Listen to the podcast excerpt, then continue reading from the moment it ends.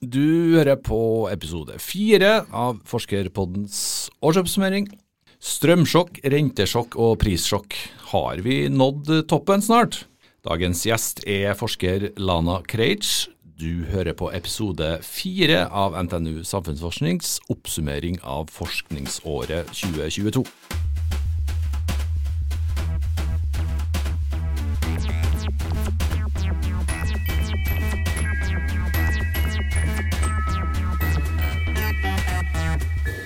Forskerpodden er NTNU Samfunnsforsknings egen podkast, og spilles inn i studio på Dragvoll i Trondheim. Programleder er meg, Vegard Y. Smevold. Velkommen til din første opptreden i Forskerpodden-studio, Lana. Tusen takk. tusen takk. Jeg kan jo spørre med en gang om uh, uttalen av navnet ditt gikk greit? Det var helt perfekt. Ja, du, Jeg tenkte du skulle spørre meg om sånn jukselapp på si, på ja, forhånd, på men det gjorde du ikke. Jeg bare tok sats, jeg. Ja, det lønte seg, det. Så bra. Eh, på tide med en, eh, en opptreden her, syns du ikke det? Syns absolutt det er på tide. Veldig eh, hyggelig å bli invitert. og fin eh, slutt på året, egentlig. Ja, sant. Eh, du er forsker og tilknytta vår avdeling eh, Senter for økonomisk forskning, som mange forkorter SØF. SØF har, en, har som formål å tilby oppdragsgiverne deres forskningsbasert kunnskap innenfor økonomiske fagområder, som det heter i beskrivelsen på vår nettside. Hvem er det som er SØFs oppdragsgivere, Lana? Ja, det er jo en veldig fin og flott beskrivelse vi har på hjemmesida der. Ja, så bra. Ja, um, nei, vi har jo litt forskjellige oppdragsgivere, egentlig. Uh, men um, i alle hovedsak så er det um, større offentlige si, aktører eller instanser. Uh, direktorater, departementer. Uh, vi har gjort mange oppdrag for både Kunnskapsdepartementet, Kommunal- og distriktsdepartementet. Og så gjør vi også oppdrag for KS stadig vekk, og for Nav. Eh, og enkelte tilfeller så gjør vi også oppdrag for litt større kommuner her i landet. Mm. Eh, hvem er det dere har jobba for i 2022, da? Hva slags eh, prosjekter er det SØF har jobba med? Det er veldig forskjellig. Eh, kanskje noe litt nytt og spennende. Både ny oppdragsgiver og nytt eh, tema er faktisk for Olje- og energidepartementet. Okay. Mm. Der har vi De driver og ser litt på um, mulighetene for uh, å utnytte havbunnsmineraler litt mer aktivt. Så der har vi samarbeida med bl.a. Asplan Viak. Uh, for å se litt på hvilke muligheter som, som ligger i havbunnsmineraler. Hvordan kan vi utnytte det fremover. Og så er det også et litt artig prosjekt som er en oppdragsgiver vi er veldig godt kjent med, som er Kommunal- og distriktsdepartementet. Der har vi rett og slett vært med på å utvikle en modell som skal fordele eh, 10 milliarder kroner årlig til drift og vedlikehold av fylkesvei i norske fylker. Fylkesvei. Mm. Ja, så um, det er veldig artig. Da. Så har vi prøvd å liksom se på hvor mye koster det å vedlikeholde én kilometer fylkesvei f.eks. i Finnmark versus Viken. Så vi sett litt på ok, hvor mye fylkesvei har man i de ulike fylkene. Hvor mye trafikk er det på fylkesveiene? Hvordan er værforholdene? Hvordan er vinterdriftkostnadene? Så vi prøvde å lage liksom en regel for uh, ja, hvordan skal pengene fordeles. Og ja. Så det syns jeg er veldig kult, og det er noe av det absolutt artigste med å jobbe i SØF, at man kan sette og jobbe med sånne ting som har så ekstremt mye, å si da ti milliarder kroner i året, det er liksom Det er jo til å miste nattesøvnen, altså. Det, det er hva heter det spillet, monopol Gange ganger noen gang, ja. Ganger litt mer, ja. Så ja. håper jeg ikke vi har gjort noe regnefeil, men det, det, skal være i orden. Ja, så bra. Mm. Eh, Quiz-spørsmål til jula, da. Eh, hvilket fylke er det som har eh, mest fylkesvei? Vet du det? Um, ja, det vet jeg. Det tror jeg er Nei, nå husker jeg ikke akkurat. Jeg, jeg tror det er Vestland. Vestland, ja. Men, um, mm. men, poenget er jo egentlig ikke sånn hvem som har mest eller minst, det er mest sånn altså hvordan kan man fordele pengene relativt til hverandre, da. Mm. Mm. Eh, I beskrivelsen av eh, avdelinga deres på nettsida Lana, så står det også at uh, SØF skal bidra til vitenskapelig publisering innenfor uh, de her fagområdene. Og vitenskapelig publisering er jo vel og bra det, men jeg er jo da ekstra glad for at du også vil bidra til hva skal jeg si, formidling til et enda bredere publikum her i Forskerpodden-studio. Ja, jeg kan jo for så vidt også si at vi har hatt et ekstremt godt publiseringsår for SØF sin del. Vi har publisert eh, ganske mye per, eh, per, hode, og vi har også publisert ekstremt bra. Så nesten alt vi har publisert har vært på nivå 2, i nivå to-journaler innenfor mm. samfunnsøkonomi. Da, som er Hva betyr det? Det betyr at det er liksom toppsjiktet av eh, altså topp 20% av tidsskrift der ute, som er ganske tøft eh, innenfor samfunnsøkonomi og publisering for der. Så vi er, vi er, veldig fornøyd med året vi har hatt sånn sett. Mm. Eh, når vi snakker om det brede publikummet, som jeg vil inn på igjen, så mm. kan vi ikke unngå å snakke om eh, hvordan året her har vært for folk. Eh, vi har måttet tåle både høyere rente, dyrere strøm og dyrere varer og tjenester. Hvorfor har det blitt sånn i 2022, Lana? Det har jo veldig mange grunner. Det har liksom vært en cocktail av, eh, av grunner som på en måte slår hardt inn på lommeboka til alle og enhver i, her vi sitter i dag. Eh, det starter jo med korona. Eh, koronakrisa, eller krisa, koronapandemien, som på en måte skapte noen ringvirkninger. Eh, både med at det skapte usikkerhet generelt i markedene, som gjerne har effekter på vårt daglige liv og virke. men så kom det også forstyrrelser i mange av de globale forsyningskjedene. Um, spesielt Asia hadde en måte å eh, håndtere pandemien på som gjorde at produksjonen der ble redusert. Vi begynte å slite litt med transport mellom Østen og Vesten. Uh, så sånne ting måte bidro til mangel på varer, som ofte pressa prisene opp, og som gjør at ting blir veldig usikkert. da. Og så kom jo også Russlands eh, invasjon av Ukraina, som igjen bidro til å skape usikkerhet, eh, krig i Europa. Og så kom jo det her spørsmålet om vår avhengighet av russisk gass. Uh, alt dette, som også bidro da til å øke prisene på, på, strøm og olje og gass. Og ja, kombinere det med en litt sånn dårlig produksjons... Produksjon av strøm i Europa i, så, i året som har vært, så så er det rett og slett alle disse små og store tingene som på en måte påvirker oss. Så er det jo en gang sånn at vi lever jo i en global verden, og um, vi er avhengige av hverandre. Og det som skjer ute der, det påvirker oss som sitter her, både på godt og vondt. Mm, det høres ut som eh, når du ramser opp alt det der, da, at uh, det er krevende tid å være polit politiker i også. Jeg er veldig glad for at jeg ikke er politiker i disse tider. Det, det er jeg. Mm. Hvordan har du kjent på eh, det året her uh, sjøl, personlig? Nei, altså Jeg har jo følt på både økende renter på boliglånet mitt, og at eh, priser på både mat og drivstoff eh, har økt. Og så har vi jo vært eh, litt heldigere eh, her nord for Dovre med at strømprisene ikke har økt, i hvert fall inntil nylig, like mye som de har gjort sør for Dovre.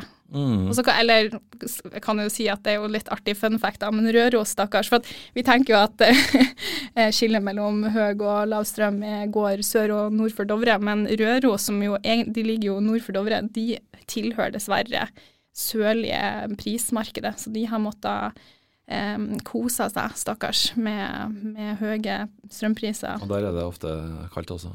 Der er det ofte ekstremt kaldt. Mm. Så stakkars, stakkars Røros.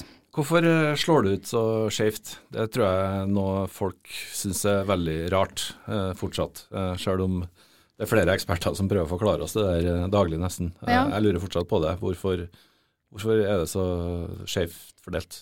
Nei, det er jo um, ikke, Jeg får håpe, håpe, jeg klarer å forklare det når flere ja, eksperter ja, Nei, men altså, Norge er jo delt opp i fem pris, strømprismarkeder, rett og slett.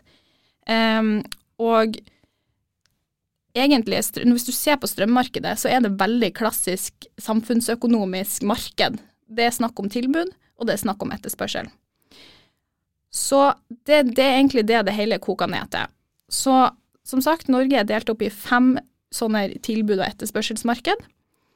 Um, og så er det rett og slett at man har hatt enten knapphet på strøm, altså man har tilbudt for lite strøm, i noen markeder, eller man har hatt for høy etterspørsel etter strøm i andre markeder.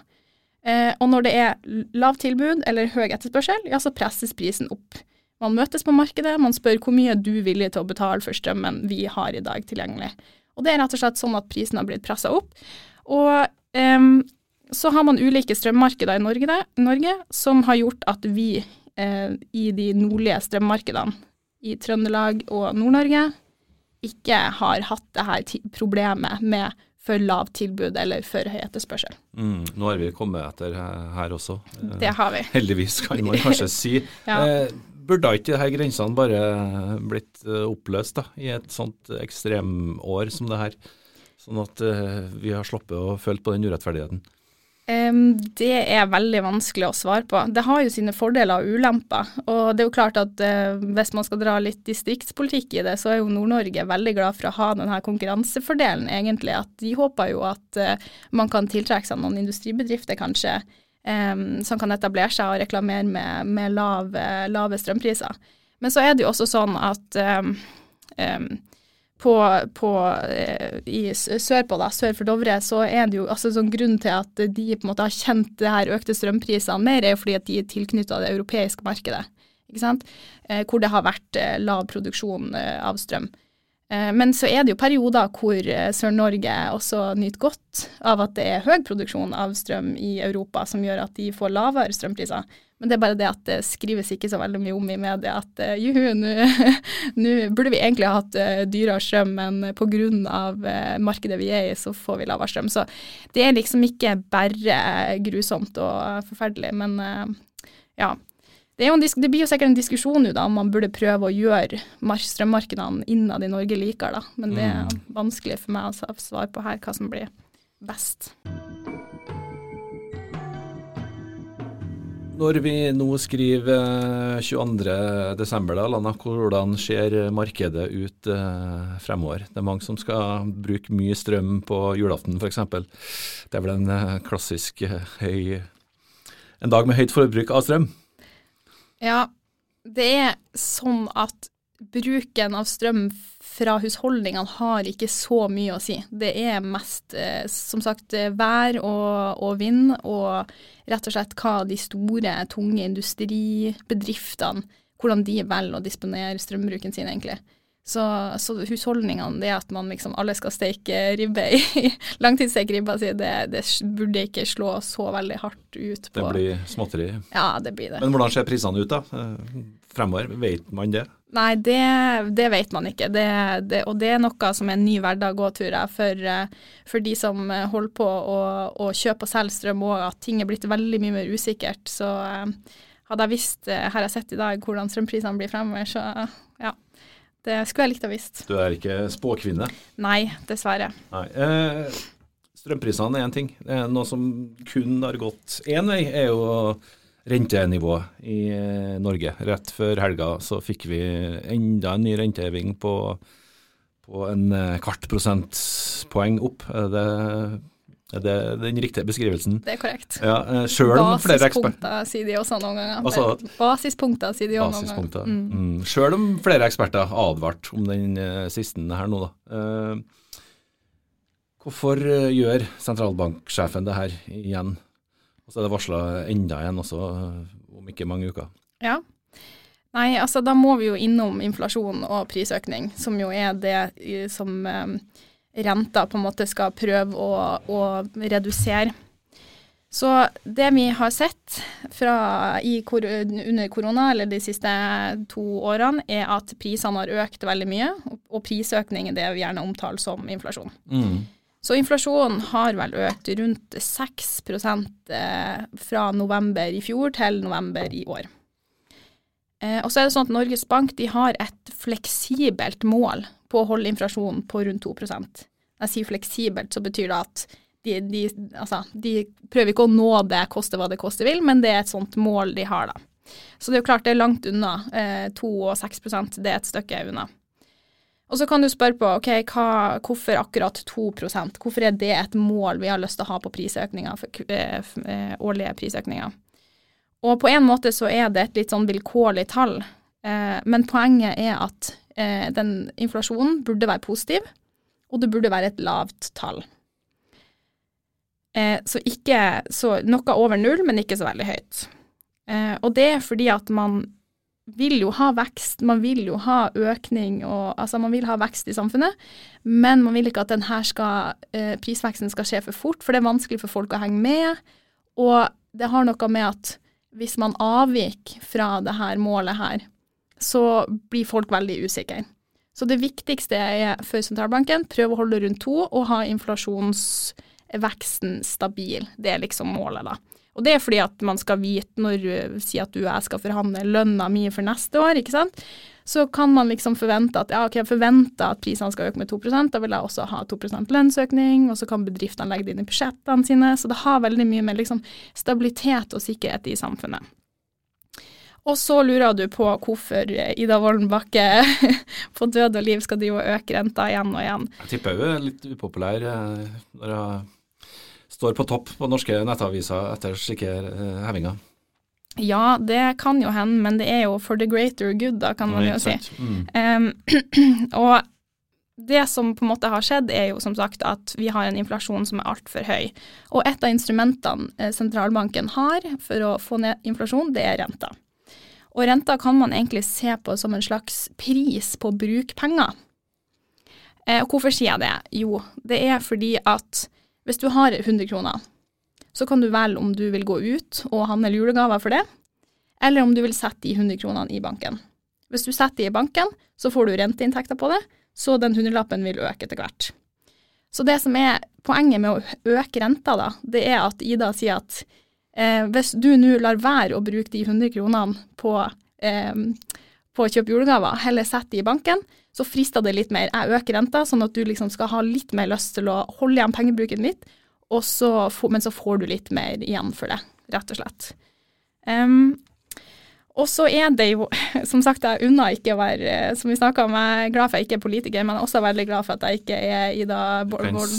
Vi kan stryke ut det òg, på lista over drømmejobber. Absolutt. Ja, jeg tror det er en kul jobb, men ikke når det blåser som verst, da. Nei. Fordi det er noe med at um, når hun øker renta, eller hun, jeg skal ikke si hun, da, når sentralbanken eh, øker renta, så, um, så tar det jo litt tid òg for den fulle effekten.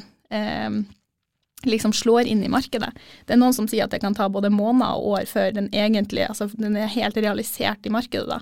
Så jeg tror de sliter veldig nå med å liksom finne ut hvor mye, for vi ser jo antydninger til at markedet er på vei ned, da, at det faktisk roer seg. Og det verste de kan gjøre er å sette opp renta altfor mye, for da, da, blir det hardt å liksom snu på det igjen. Så jeg tror det er, en, det er kjempe, det er tvega sverdet der å, å, mm. øke renta, og jeg tror jo høyere opp man kommer, jo vanskeligere blir det å ta avgjørelsen, og spesielt ja, fordi at det tar så lang tid. Hva ser man eh, så langt, da? Funker det? Ja, altså Det er jo antydninger til at, eh, at aktiviteten i økonomien er på vei ned, som jo er noe man prøver å oppnå. da. Men så er vi jo også, som jeg sa tidligere, vi er en del av en veldig globalisert verden. så det vi gjør i Norge her med renta, det er viktig, men det er også veldig viktig hva som skjer ute i, i verden der. Mm, Så så jeg en nyhetssak her i uka, tror jeg, rett før jul, her, at uh, nordmenn har såpass mye penger på bok at vi tar av de reservene nå når vi gjør uh, jule, julehandelen, og så mm. lukker vi litt øynene for uh, for det beløpet vi må bruke på boligen vår i januar. Ikke sant. Og det er jo også litt den her sparinga som vi gjorde under koronapandemien, som på en måte har gjort at vi har eh, hatt så høy inflasjon også, fordi at eh, vi har liksom ikke hatt eh, mulighet til å bruke penger på restauranter og ferie og sånn, så har vi pussa, opp og eh, brukt av eh, på en måte ja, pengene vi har i banken. Da. Og det har jo vært med på, på, å øke inflasjonen, så det er jo på en måte litt det vi kjenner på nå. Mm, de er heldige, de som har klart å spare. Eh, en ting er jo hva det her betyr for oss borgere, Lana, men jeg vil jo tro det også betyr mye for en eh, det vi leser er en pressa kommuneøkonomi. Jeg har inntrykk av at alle norske kommuner er lutfattige. Det er ikke sikkert det stemmer, men eh, hvordan eh, går det med norske kommuner i dette bildet? Jo, altså Kommunene har jo opplevd økte priser på både varer og tjenester, akkurat som resten av samfunnet. Så Sånn sett så har jo de en viktig, tøff budsjettoppgave, de også. Men så skal det jo sies at prisene på varer eh, generelt og, og sånn kanskje typisk sånn eh, innsatsfaktorer som bedrifter, eh, industribedrifter bruker, sånn type jern og betong og drivstoff og eh, sånne type innsatsfaktorer har økt ganske mye mer i pris enn, arbeids, eh, enn, enn lønningen til den, til den gjennomsnittlige arbeider. Da. Og kommunene har jo egentlig eh, De største kostnadene de har, er jo folk, ikke sant. Det er lærere, det er helsevesen, det er folk som sitter i administrasjonen. Så eh, lønnsøkninga har jo faktisk vært lavere enn økninga i eh, på drivstoff og sånne type ting. Så, så sånn kommunene sparer penger? Ja, nei, sparepenger det, det, kan man ikke akkurat si, men de har i hvert fall, de har i hvert fall eh, ikke hatt den dyreste økninga i liksom sine kostnader, ja, sammenligna med, med, andre. Mm. Men så er det jo også de kommunene som på en måte allerede sliter. Um, som har høy gjeld, kanskje som er på Robek-lista, som har høy andel eh, gjeld i forhold til sine inntekter. Da. De, som har lån, sånn som meg og deg, rett og slett? Sånn som har lån som meg og deg, de vil jo absolutt uh, kjenne på det. Um, så det blir jo en, en slags ond spiral da, eh, som blir vanskelig å komme seg ut av. Men sånn er nå realiteten. Mm. Hva med næringsliv, næringslivet, da, som du var innom? De som uh, kjøper de store varene. Hvordan uh, har de uh, hatt det det siste året? Ja, Der òg er det jo Det er jo et veldig bredt næringsliv og veldig variert, men, men absolutt, som jeg sier de som på en måte er avhengige av å kjøpe, kjøpe innsatsfaktorer som har økt masse i pris, både i seg sjøl, men også transportkostnadene i samfunnet har jo økt veldig mye. De kjenner på det. Eh, kanskje den mest utsatte bransjen er jo bygg- og anleggsbransjen. Eh, både det å bygge boliger og, og blokker har økt masse, masse i pris.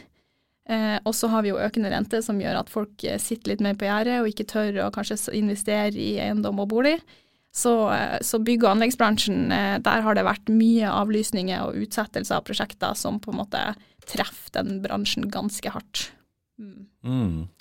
Mm. Det blir spennende å se hvordan eh, alt det her blir fremover.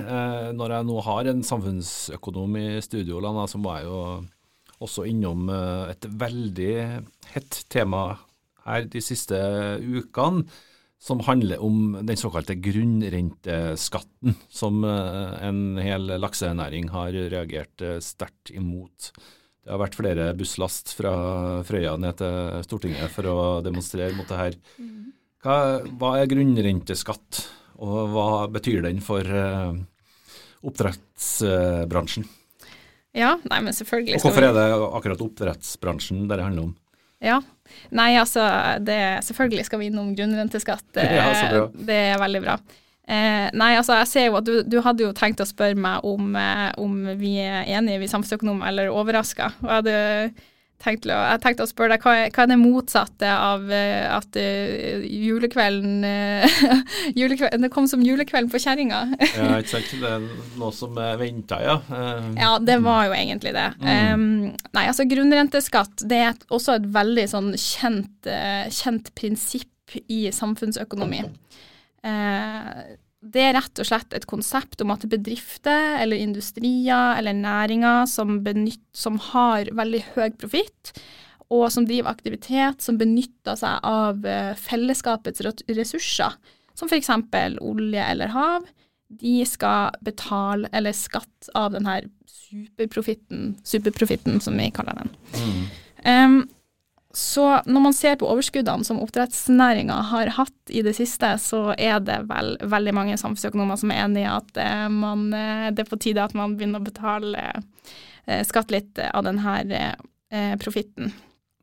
Og eh, du spør hvorfor akkurat laksenæringa, men vi har jo, den, eh, vi har jo grunnrenteskatt på andre næringer, bl.a. oljenæringa og kraft så det er, ikke, det er ikke noe sånn spesielt med Det er egentlig spesielt at de ikke har betalt den, for å si det sånn. Det spesielle er egentlig at de har sluppet billig unna for lang tid, eller? Mange vil jo kanskje si det. Mm. Eh, og så er det jo laksenæringa selvfølgelig som roper høyest, fordi at de må jo nå eh, endre prioriteringene sine litt.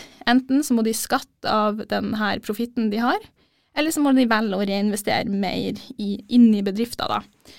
Um, så, um, så, det er jo forståelig at de, at de reagerer på det. Uh, så, men uh, grunnen til at uh, hvis man skal på en måte spore litt sånn, hva man skal si, um, uenighet blant samfunnsøkonomer, så er det måten regjeringa har tenkt til å innrette eller utforme denne grunnrenteskatten.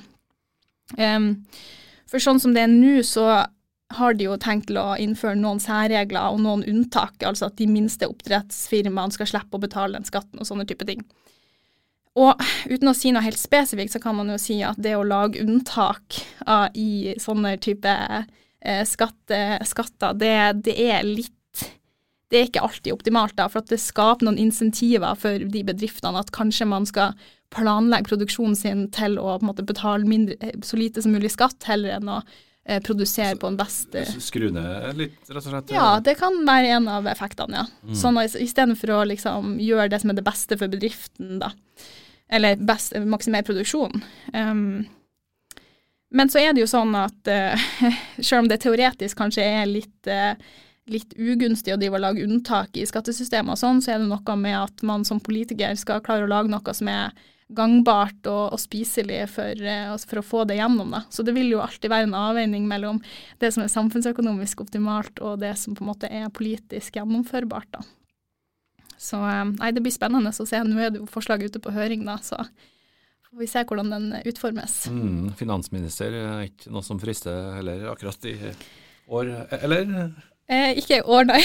Tar det etter hvert. ja, da, men altså, for all del, det er jo sikkert veldig artig. og Det, det er jo nå man får laga politikk som på en måte virkelig betyr noe. Eh, det er jo, eh, Man kan jo si at det, det er jo ikke kjedelig å lage politikk i, eh, i, i tider når det går i, under gode tider. Men, eh, men eh, det, det, er nok en utakknemlig jobb nå for tida, men du har jo virkelig muligheten til å, til å gjøre noe som betyr noe, og som mm. har betydning. Det er nok det de kjenner når de uh, står opp om morgenen, tenker jeg. At uh, de har en betydningsfull uh, jobb. Absolutt. Absolutt. Før du tar juleferie, Lana, så må jeg også spørre om hva SØF skal drive på med neste år. Hva er de viktigste prosjektene som står og venter 2.1 for dere? Um, nei, altså alle prosjektene våre er jo viktige, da, selvfølgelig. Så, men eh, nei, vi skal jo Vi har jo vunnet et eh, prosjekt eh, tidligere i år, nei, altså nå nylig, um, hvor vi skal gjøre noen samfunnsøkonomiske analyser for en kommisjon som er satt ned, som heter Totalberedskapskommisjonen. Okay. Mm. Som er liksom litt inn på det samfunnssikkerhetsfeltet.